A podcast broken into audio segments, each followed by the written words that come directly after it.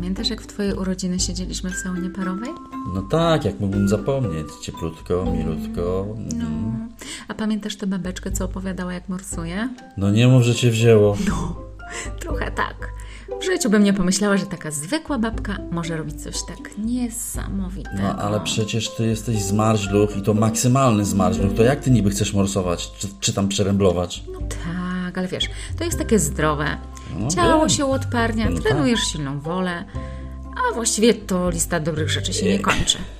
No właśnie. Już widzę po minie, że na ciebie to liczyć nie mogę, ale spoko, spoko, dam radę sama. No ale co, czego od razu robisz od- ze mnie mięczaka?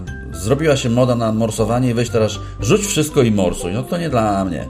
No wiem, wiem. Od razu wiedziałam, że z tobą się to nie uda. Słuchaj, morsowałem, kiedy nikomu nawet to do głowy nie przychodziło. 40 lat temu, jak zima była zimą, marzłem, bo w domu było niedociuchowanie.